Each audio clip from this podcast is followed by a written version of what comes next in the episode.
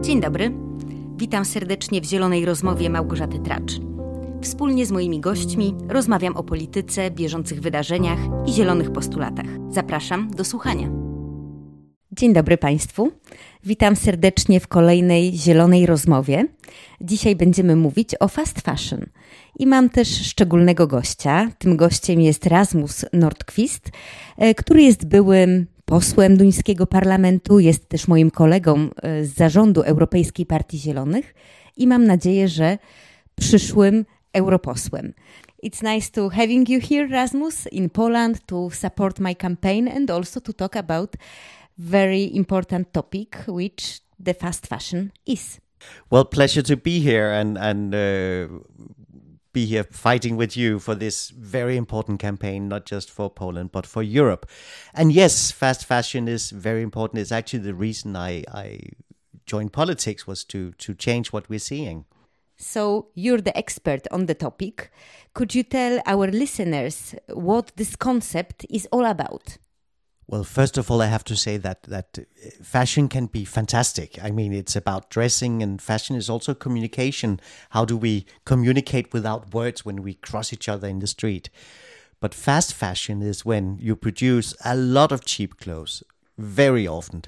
I can say when I uh, left uh, college, design college, back in in in '99, uh, normal companies were doing two or four new seasons a year but now we see fast fashion shops and chains, they're coming out with new clothes for you to buy every week, year round. So they're pushing for a consumption which is very fast, very cheap.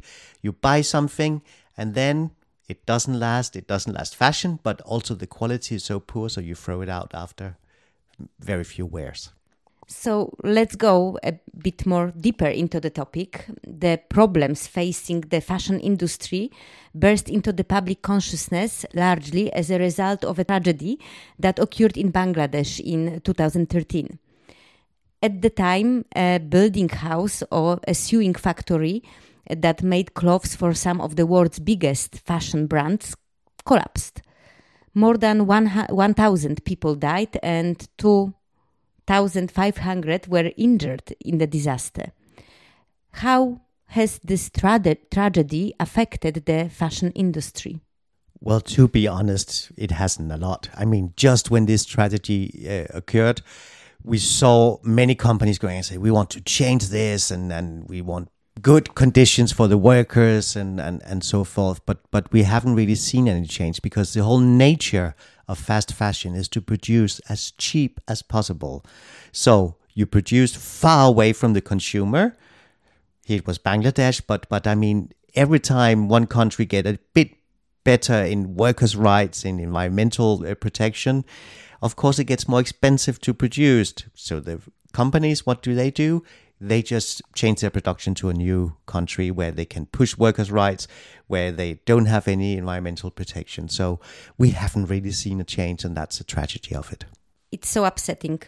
The drive to reduce production cost as much as possible is not only linked to labor rights violations, but also has a negative impact on the environment.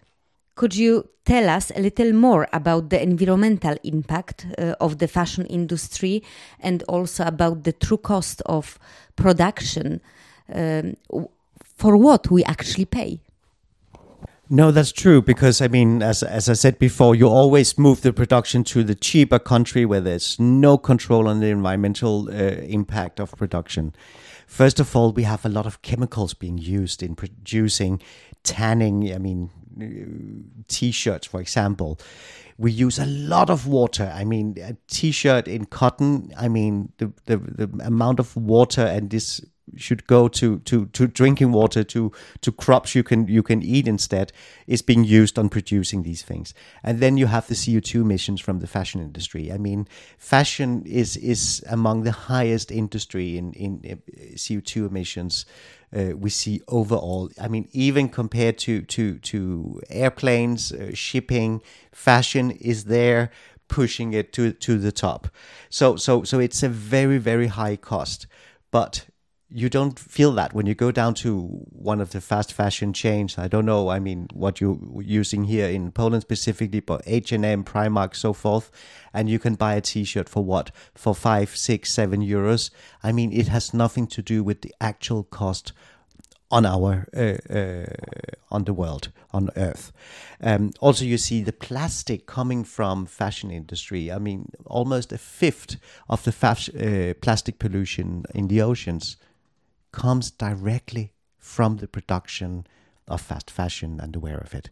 Because every time you wash something, small uh, microplastic being washed out and so forth. So it's it's the actual cost of the fashion industry we see today is is gigantic. So we already know what the negative consequences of the fast fashion are for for, for humans, for nature. Uh, how does it work? But it is worth considering how to counteract them. What legal solutions should be should be introduced at European and national level? Well, luckily, we're seeing in the last few years that something is being done on European level. I can be a bit concerned that it's not enough uh, that's actually being done because the big problem is too much is produced, too much is consumed. So, so we need first of all to to to use less and use better. I mean, when when when you know that, for example, the fibers that make up the thread that's being knitted or woven into to cloth that sewn into to to clothes, I mean, the fibers is some of the worst when it comes to CO2 emissions. So, so we need to produce a lot, a, a, a lot less. Um, what what's needed is first of all that that the producer is responsible for the what they're producing from beginning to end. That means even if you're buying it, the producer is still responsible for it when you're throwing it out. So, so we see more recycling uh, right now, I think it's uh, as far as I remember, it's around one percent of, of, of clothes actually being being recycled uh, globally. I mean, one percent of the masses that's being produced. Um, I also think that if you do this uh, producer responsibility on the garment, we can hopefully see that prices are going a bit up because actually clothes are too cheap today. We're seeing many people buying things using them once or twice and they're lying in your closet for what one two years and then being thrown out uh, so so so we need to be, to consume better and and the legislation being done from the European Union should emphasize this that that you're responsible for what you produce you're responsible for the harm you're doing to earth and you're responsible for it from beginning to end not just until you sell it to the consumer. Let's hope that after next year's election to the European Parliament, there will be even more people who want to address the climate crisis and who will also take it upon themselves to introduce appropriate regulations for the fashion industry. And I hope you will be one of them. Fingers crossed for it. But in the meantime, uh, I'd like to ask you to tell us uh, how ordinary consumers can reduce the negative environmental impact of their clothing purchases.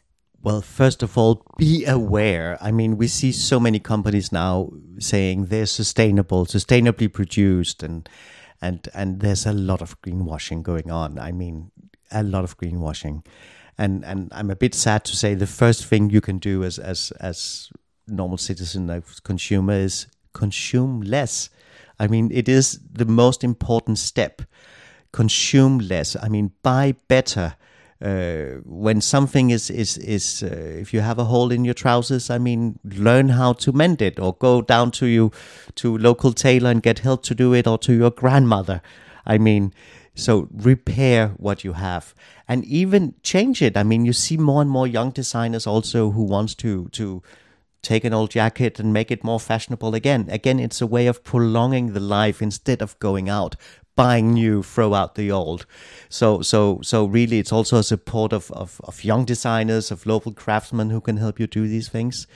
Um, and and then of course if you you you buy also buy recycled i mean recycling your things share with your friends i mean you see uh, in denmark where i'm from you see more and more people doing these swap parties where people come together with the clothes they're not happy about anymore i mean it's not they're destroyed it's not they're out of fashion really they just just don't wear them.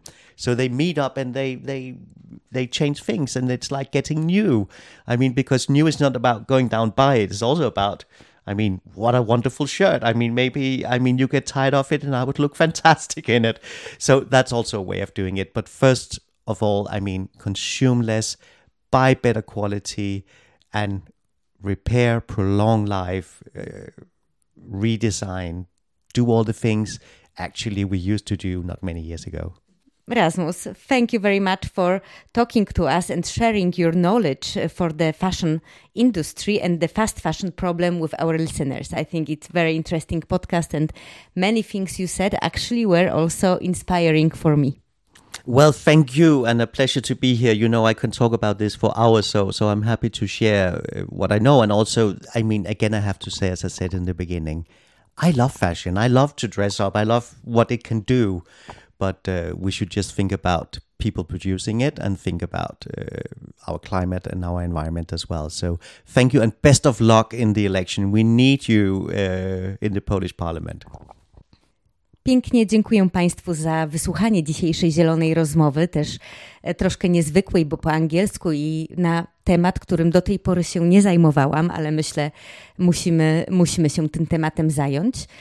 No, będziemy teraz mieć troszkę przerwy w nagrywaniu podcastu, dlatego że mamy ostatnie dni kampanii wyborczej i dla mnie, jako kandydatki, która też się chce wieloma rzeczami w przyszłym parlamencie zajmować, ważny jest teraz kontakt bezpośredni z ludźmi na ulicach Wrocławia i, i miast dookoła Wrocławia, więc więcej czasu będę z Państwem właśnie w moim okręgu rozmawiać niż nagrywać rozmów e, w studio. Natomiast bardzo zachęcam, by 15 października zaufać mi i oddać głos właśnie na mnie na listach Koalicji Obywatelskiej. Startuję z numerem 2 i mam nadzieję, że będę mogła jeszcze dużo dobrego zrobić w przyszłej kadencji parlamentu. Do usłyszenia pod koniec października. Materiał sfinansowany ze środków Koalicyjnego Komitetu Wyborczego Koalicja Obywatelska, Platforma Obywatelska, Nowoczesna Inicjatywa Polska Zieloni.